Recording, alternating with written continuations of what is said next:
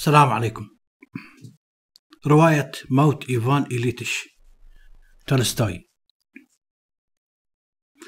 عندما نطلع على هذه الرواية هاي رواية قصيرة جدا يعني حالها حال المسخ الكافكا أو روايات قصيرة أخرى مثل المعطف الجوجول وغيرها. يعني تقريبا هي مئة صفحة من القطع الصغيرة.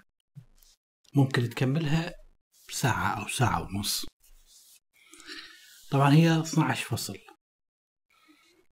عندما نأتي الفصل الأول يتحدث عن رجل ميت. وهناك من يذهب من زملائه في العمل وأصدقاء عمره إلى جنازته. لو لم لو لم يكن اسم الروايه إيفان إليتش لما عرفنا إنه هذا الميت هو سوف يكون بطل الرواية بأكملها. لأنه ماذا يعني رجل ميت ومنتهي؟ رجل عمره 45 سنة ما يهمنا يعني سواء عاش أو حتى مات. لكن الأحد عشر الفصل البقية لا. هو اللي يتحدث عن نفسه عن معاناته. رواية عظيمة جدا ومؤثرة جدا جدا. تبدأ رواية موت إيفان إليتش لتولستوي وبالمناسبة تولستوي هذه ثالث حلقة أقدمها عنه. عندي حلقة عن الحرب والسلام. حلقة اعترافات دوستويفسكي. العفو اعتراف تولستوي وهاي حلقة ثالثة راح أضعهن بالوصف. المهم رواية إيفان موت إيفان إليتش تبدأ بمشهد خاطف. زملاء إيفان الموجودين القضاة هو أيضا قاضي الموجودين يعرفون خبر وفاته من الجريدة طبعا بدون تعاطف أو أي قدر من الأسى لكنهم مع ذلك عندما يموت هذا الرجل زميلهم القاضي يناقشون الترقيات المحتملة. لكل منهم بعد أن أصبح المقعد اللي كان يشغله إيفان إيريتش فارغ. إذا موت إيفان لم يكن بالنسبة لزملائه. أصدقاء عمره القضاة إلا فرصة من أجل أن يحلم كل واحد منهم بأن يحتل منصبه حتى يزيد من داخله من مرتبه. فيبدأ بعبارة جدا رائعة. تولستوي كان إيفان إليتيش زميلا للسادة الحاضرين وكان محبوبا بينهم. مرض لأسابيع بمرض قيل إنه لا شفاء منه. لكن منصبه ظل محجوزا له. كان ثمة تخمينات بأنه في حال وفاته سيعين إلكسيف في منصبه وفينيكوف أو شتايل سيليه. لذلك فعند سماع خبر وفاة إيفان إليتيش كانت الخاطرة الأولى لكل من هؤلاء السادة هي أن التغيير أو الترقية ستتم فيما بينهم. يرجع في عبارة أخرى. تقدم بالرواية. يقول تولستوي الأحياء عموما يتعاملون مع موت الآخرين بأنه أمر بعيد عنهم.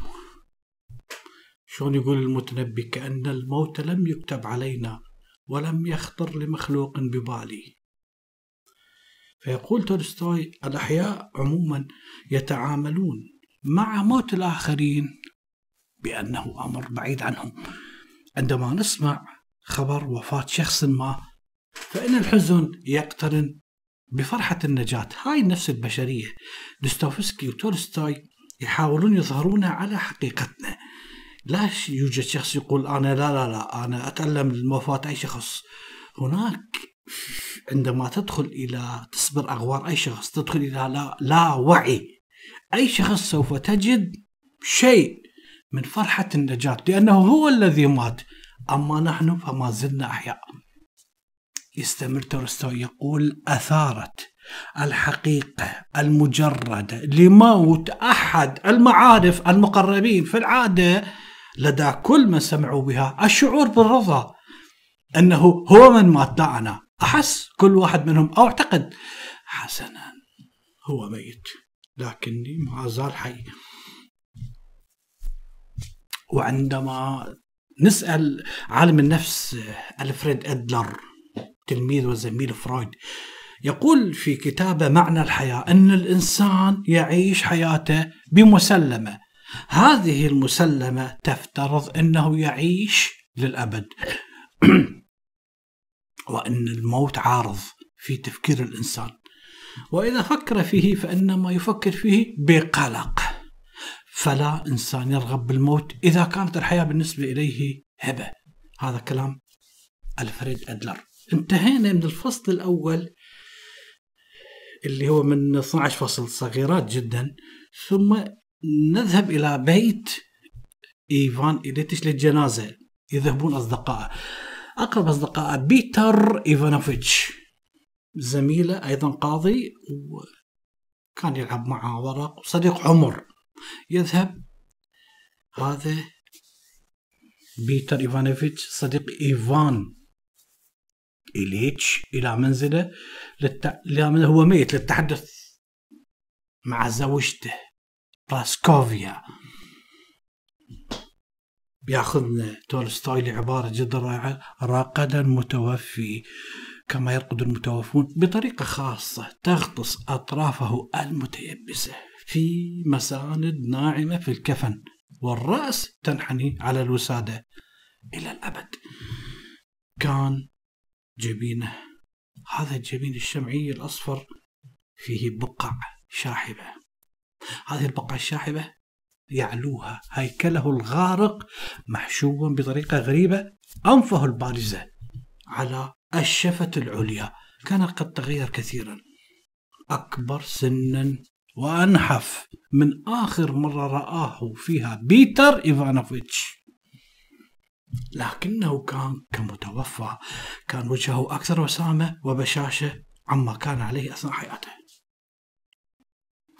هذا التعبير عن وجهه يقول كلام دوستويفسكي إنما كان ضروريا قد تم وبصورة صحيحة. وبجانب ذلك التعبير كان يحمل نوعا من العتاب والتحذير للأحياء. بدأ هذا التعيير العفو بدأ هذا التحذير لبيتر إيفانوفيتش لا مكان له. على الأقل ليس موجها إليه. ثم نأتي إلى زوجة إيفان. زوجة العفو زوجة إي إيفان إيليتش. تتحدث مع من؟ مع بيتر صديقه.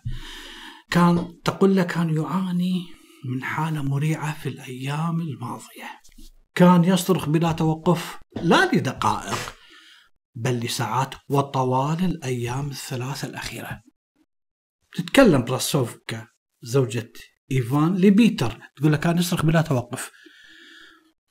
كان ذلك فوق الاحتمال. لا أستطيع أن أفهم كيف تحملت ذلك.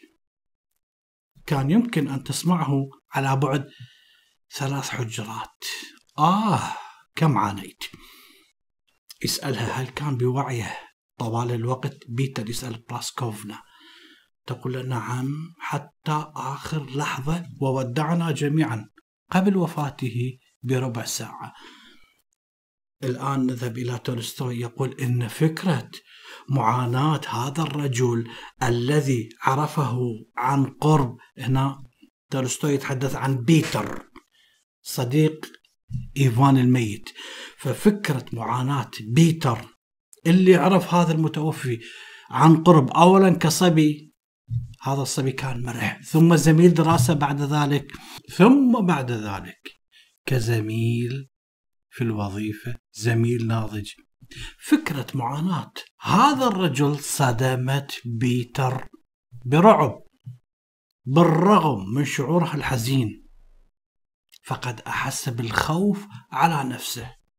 ثلاثة أيام معاناة رهيبة مع الموت. لماذا؟ فذلك يمكن أن يحدث لي في أي وقت؟ فكر بيتر وأحس للحظة بالرعب. لكن ودون أن يعرف كيف رد الفعل المعتاد حدث له بعد ذلك. هذه الفكرة بأن ما جرى لإيفان لا يمكن أن يجري له أن ذلك ما لا يجب ولا يمكن أن يحدث له. أيضا مع تولستوي اللي يتكلم هو تولستوي ماخذ لسان الراوي يقول بدأ يسأل عن تفاصيل وفاة إيفان إيليتش.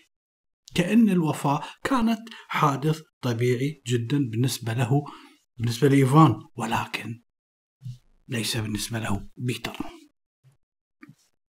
نستمر مع الراوي. يقول بعد ما عرف بعد ان عرف كل التفاصيل عن الآلام الجسدية المروعة الفعلية التي تحملها إيفان إليتيش تلك التفاصيل التي عرفها فحسب من آثار المعاناة التي تركها على أعصاب زوجته راسكوفيا فيداروفنا. توصلت الأرملة فيما يبدو إلى أنه من الضروري أن تدخل في مجال الأعمال. بدأت تتحدث وتشرح ما كان واضح من البداية أنه غايتها الأساسية عندما أخذت بيتر من أجل أن تتكلم معه. تحديدا سؤالها كيف يمكنها أن تحصل على منحة مالية من الحكومة بسبب وفاة زوجها؟ أوضحت أنها تريد من بيتر إيفانوفيتش زميل زوجها أن ينصحها عن كيفية الحصول على ذلك. لكن سرعان اكتشفت أو سرعان ما عرف بيتر إيفانوفيتش أنها تعرف التفاصيل أكثر من عنده ربما هو وشخصيا. تعرف كل التفاصيل. كانت تعرف قيمة المبلغ الذي سوف تحصل عليه من الحكومة بعد موت زوجها.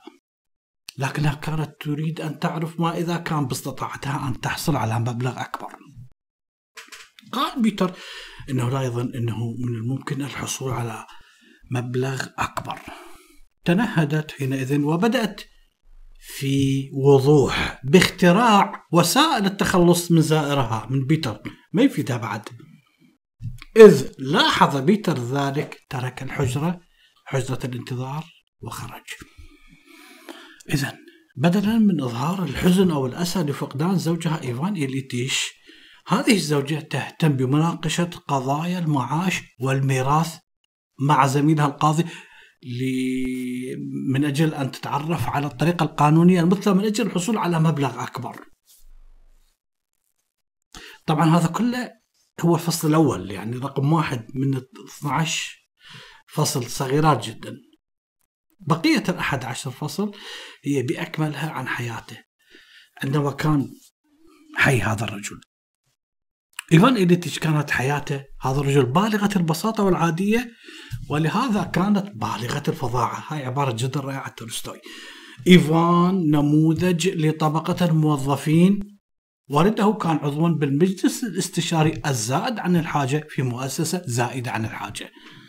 ولكن إيفان امتلك طموحا أكبر فبعد حصوله على شهادة القانون. بدأ هذا المشوار متأهلا للدرجة العاشرة للخدمة المدنية. التحق بمكتب حاكم إحدى المقاطعات في مكتب الخدمات الخاصة ثم انتقل إلى العمل القضائي فأصبح قاضي تحقيق ثم وكيل للنيابة ثم صار قاضي من أعضاء المحكمة. وفي كل وظيفة حاول إيفان أن يفصل بين حياته الشخصية وبين عمله الرسمي. لكن مع ذلك ظلت علاقته وطيدة بالأوراق. أوراق المحكمة وكذلك أوراق اللعب فكان يلعب مع زملائه وأصدقائه من ضمنهم بيتر إيفانوفيتش الورق اللي كانت تسليته الوحيدة لعب الورق. ومثل أي صاحب منصب تزوج هذا الرجل اللي توفى عمره 45 سنة. تزوج ثم أنجب أولاد. لم يبقى منهم إلا فتاة في سن الزواج وصبي هذه الفتاة خطبت لابن قاضي مرموق والصبي كان في المدرسة. وأيضا مثل أي موظف كبير استأجر بيت وخدم وقضى وقت طويل في تجهيز هذا البيت والستائر والديكورات وما إلى ذلك. لكن ذات مرة عندما صعد السلم ليوضح لصانع الستائر الذي لم يفهمه كيف يريد ثني الستائر قام بخطوة خاطئة فانزلق. لكن لأنه قوي ورشيق تماسك ارتطم جنبه فقط بمقبض النافذة. كانت الرضوض مؤلمة لكنها سريعا ما زالت. مع ذلك عندما أتت زوجته وابنه وبته إلى هذا البيت اللي كمل بأكمله أشبع غرورا من عبارات المديح وعبارات الانبهار من زوجته وابنه وبته بعد أن شاهدوا البيت الجديد الموعودين به. وهنا عبارة أيضا عن تولستوي يقول رغم أن المنزل لم يكن بكل ما فيه إلا تقليدا رخيصا لمنازل الطبقات الأرستقراطية. كان إيفان وأسرته أيضا نسخ مزيفة للأثرياء فئة ليست فقيرة وليست أرستقراطية أصيلة إنما هي معلقة بين الاثنين. ماذا عن شخصية إيفان؟ يقول تولستوي كان يحس أن كل الناس بلا استثناء حتى الناس المهمين والمغرورين كانوا في متناول سطوته.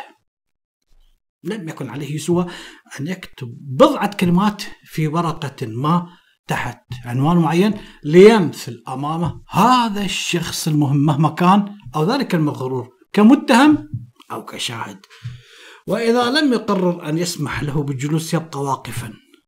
يبقى واقفا أمامه ويجيب على أسئلته. لكن إيفان لم يسيء في استخدام هذا المنصب. لم يسيء في استخدام سلطته بل على العكس كان يحاول التخفيف من حدتها. لكن الوعي بها وإمكانية تخفيف تأثيرها أمداه بالمتعة والجاذبية الرئيسية إذا حياة إيفان إليتش العالية لم تكن سعيدة. مشاكل كثيرة جدا كانت بينه وبين زوجته. سوء فهم دائما. لكن مع ذلك هذا الرجل استطاع أن يصمد في هذه الحياة الزوجية. صبر على كل ما كان يعيشه. راضي مكتفي. تولستوي بهاي الرواية يغوص ببراعة داخل نفسية هذا الرجل داخل عقله وهواتسه البطل تولستوي اللي يتحدث عنه يتأرجح بين الأمل وبين اليأس. المرض يلون نظرته للأمور. الطبيب بالنسبة إلى هذا المريض رجل يكذب رجل يمارس سلطته عليه كما كان هو يمارس سطوته على كل متهم. كان يكذب حال حال المحامين. هكذا كان يفكر. ولذلك عندما تمرض إيفان إليتيش بالرغم من اعتياده على ارتداد أو العفو ارتياد على ارتياد أو الذهاب إلى كل عيادات الأطباء. واحدا بعد آخر كان كل منهم من هؤلاء الأطباء يشخص الحالة على مزاجه من دون حتى أن يقر لهم قرار. بدون أن يضعون يدهم على العلة. من طبيب إلى آخر. من تشخيص إلى آخر. وآلامة تزداد. من السقطة التي سقطها من الكلى من الزائدة الدودية لا أحد يعرف. فيقرر في ذات لحظة أن يتوقف عن زيارة الأطباء واستشارتهم مفضلا الاكتفاء بتناول المخدرات والمسكنات. مع ذلك تزداد حالة صاحب السوء إلى درجة حتى زوجته لا تعود تبالي بحالته. أصدقائي يسؤمون من زياراتهم إليه. لا يقف إلى جانبه فقط. في نهاية الأمر سوى خادم. هذا الخادم أصلا هو فلاح روسي.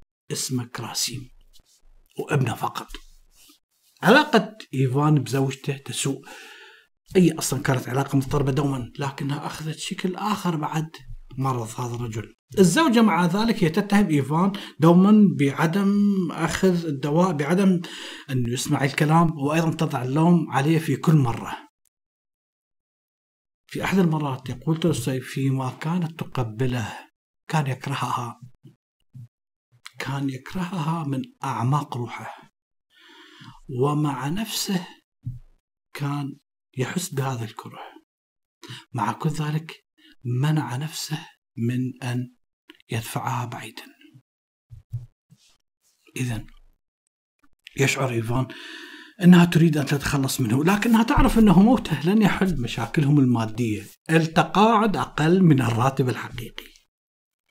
الابنة تزور والدها. بدافع. كأنها تؤدي واجب. ثم تهرع مع خطيبها من أجل الذهاب إلى حفلة في الأوبرا. إذا لا يستشعر إيفان تعاطف إلا من خادمه الريفي المخلص ومن ابنه الصغير فقط يقول لابد أن هناك خطأ ما. لا بد أن أهدئ نفسي. لا بد من التفكير فيه كله من البداية في هذا الأمر. بدأ يفكر من جديد. بداية المرض عندما رطمت جنبي لكني كنت ما أزال بحالة جيدة. في نفس اليوم وفي اليوم الثاني كانت ثمة ألم طفيف ثم ازداد أكثر.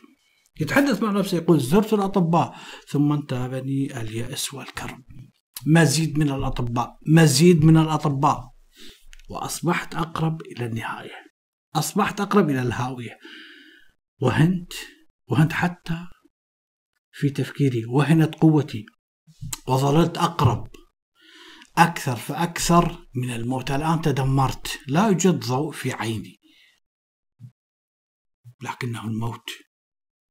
كل ذلك يعني الموت؟ أيمكن أن يكون ذلك الموت؟ هكذا كان يتحدث تولستوي على لسان بطله. يقول تولستوي يتقلص الجسد يتغير. تفقد الساعات والدقائق معناها مع ساعات جلوسه الطويلة وحيدا. يحتاج إلى مساعدة الآخرين حتى أثناء قضاء حاجته. يقوم غراسيم بكل جوارحه إلى مساعدة سيده. وقد أشفق عليه من آلامه ومن انصراف الناس عنه. الآلام سيخففها غراسيم. إذا كان هو الذي سيخفف من وحدة إيفان إليتش أيضا. سيقوم على خدمته ليلا ونهارا معتنيا به ومحاورا إياه. يعني إيفان لم يستطع أن يجد شخص يتحدث حتى معه. فكان يجد في جراسيم هذا الخادم خير أنيس وخير جليس. يقول تولستوي على لسان بطلة كذب كل شيء. عشت عملية خداع. كل شيء عشت لأجله كان عبارة عن خداع. كذب خداع كذب يخفي الحياة والموت عنك. إذا يبدأ الألم الرهيب في الكلى. وينطلق العقل في أسئلته. أصوات داخلية يسمعها من داخله. ويبكي إيفان كما يبكي الأطفال كما يبكي أي طفل بكى لإحساسه بقلة حيلته من وحدته المرعبة من قسوة البشر. تساءل لماذا يحدث لي هذا؟ لماذا يحدث لي كل هذا؟ لماذا أتيت إلى الدنيا؟ لماذا؟ لماذا أتعذب بتلك القسوة؟ إذا في هذه الرواية يواصل تولستوي الكشف عن أفكار بطلة الوحيدة الأفكار اللي كانت تجول في باله. لم ينتظر إجابة بكى مع ذلك لأنه لا توجد هناك إجابة. لا يمكن أن تكون هناك إجابة. ومن جديد أصبح الألم أكثر حدة لكنه لم يتحرك ولم يستعطي أحدا. قال لنفسه استمر أضربني. ولكن لماذا كل هذا؟ ماذا فعلت؟ لماذا كل هذا؟ إذا في كل تلك اللحظات القاسية كان يتمنى إيفان بغريزة البقاء بغريزة الحياة أن يعيش مثل ما كان. فيخرج من داخل أعماقه سؤال هو أصلا يريد أن يعيش؟ هو أصلا سابقا كان عايش؟ كان مرتاح؟ هل حياته كانت سعيدة؟ هل كان يعيش حياة سعيدة؟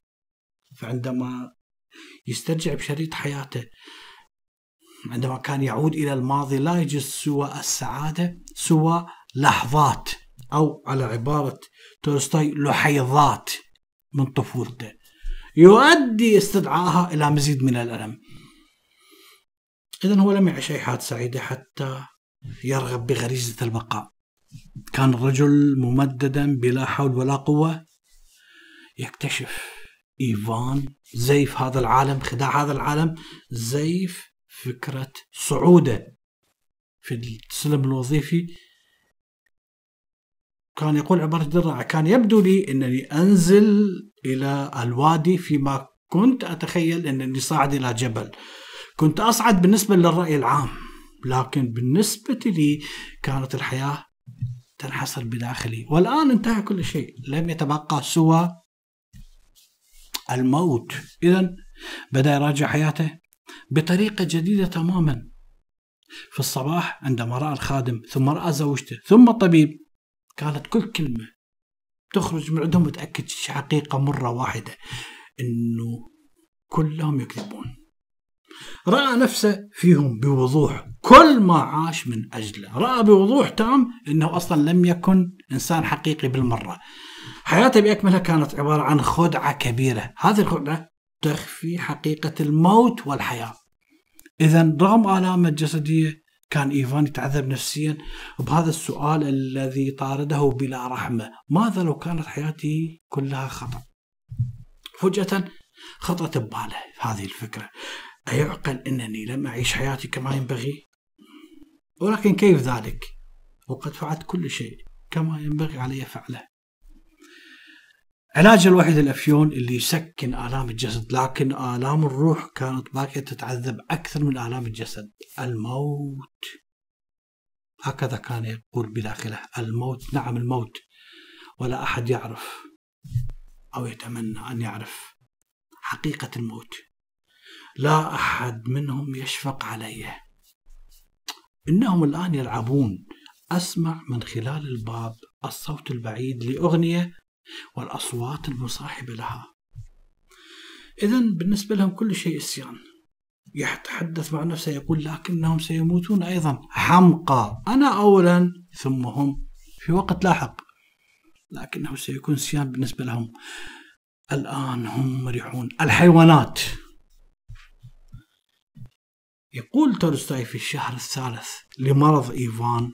أدركت زوجته وأبنه وأبنته والمعارف والأطباء والخدم وهو نفسه قبل أي أحد آخر أنه كل الاهتمام من قبل الآخرين كان يكمن في أنه سيخلي مكانه ويخلصهم في النهاية ويريح ويرتاح من الإزعاج يريحهم من الإزعاج الذي يسببه لهم يتخلص هو نفسه من آلامه. ثلاثة أيام. ثلاثة أيام كان صوت إيفان عبارة عن صراخ. كان صوت إيفان الصارخ من الألم يشق جنبات المنزلة صراخ في الميلاد. صراخ في الوداع. كان يحس نفسه محشورا في حقيبة الموت يحاول أن يدخلها. إذا أكثر ما كان يعذب إيفان أنه لا أحد يشفق عليه كما كان يريد. في لحظات معينة بعد معاناة طويلة لم يكن يتمنى بالرغم من خجله من ذلك بالرغم من خجله من الاعتراف بذلك إلا أن يشفق عليه أن يشفق عليه أحد مثل ما يتم الإشفاق على طفل مريض. كان يهفو إلى الإشفاق عليه. كان إيفان يريد أن ينتحب أن يشفق عليه أن يشفق عليه أي أحد أن يبكي عليه. جاء الصباح وسواء كان الصباح أم مساء جمعة أم الأحد لم يكن ثمة فرق كل شيء يشبه الآخر. الألم الممض المعذب له. هذا العذاب الكامل الذي لا يتوقف ولا للحظة واحدة. إذا بدا له أنه هو الألم يحشرون في حقيبة سوداء ضيقة عميقة. كان مرعوبا. كان يريد السقوط في تلك الحقيبة. إذا كان يستمع إلى صوت زوجته. ما الذي تريد؟ لم يتوقف عن الصراخ لثلاثة أيام. كان مريعا إلى حد أنه لا أحد يسمعه عبر بابين إلا وأصابه الذعر. إيفان فقد الإحساس بالوقت. صارع داخل تلك الحقيبة السوداء التي حشر فيها هو والألم. صارع مثل ما يصارع رجل محكوم عليه بالموت بين يدي الجلاد مدركا أنه لا يستطيع حتى أنقاذ نفسه. ثم أحس أن أحدا يقبل يده. فتح عينيه نظر إلى ابنه وأحس بالحزن من أجله. نعم إني أتسبب في بؤسهم. هكذا فكر. إنهم محزونون. لكن سيكون من الأفضل له ولهم أن يموت. والألم بدأ يتحدث مع نفسه. الألم أين أنت أيها الألم؟ نعم ها هو حسنا. فماذا عنه ليكن الألم ليكن الموت. أين هو؟ بحث في خوفه السابق المعتاد عن الموت. لم يجده. أين هو؟ أين الموت؟ أي موت يتحدث مع نفسه يسأل ويجيب. لم يكن ثمة خوف لماذا؟ لأنه ما من موت. وبدلا من الموت كان ثمة ضوء. هكذا إذن. صح فجأة. يا للبهجة. بالنسبة له فقد حدث كل ذلك في لحظة وحيدة ولم يتغير معنى هذه اللحظة. أما بالنسبة لمرافقيه فقد استمر احتضاره لمدة ساعتين أخريين. قرقع شيء ما في حلقه. ارتعد جسده النحيف ثم خفت حدة الحشرجة والقرقعة أقل فأقل. لقد انتهى. قالها شخص ما بجواره. سمع تلك الكلمة ورددها داخل روحه. انتهى الموت. قال لنفسه لم يعد له وجود. سحب نفسا. وفي منتصف الشهيق تصلب ومات.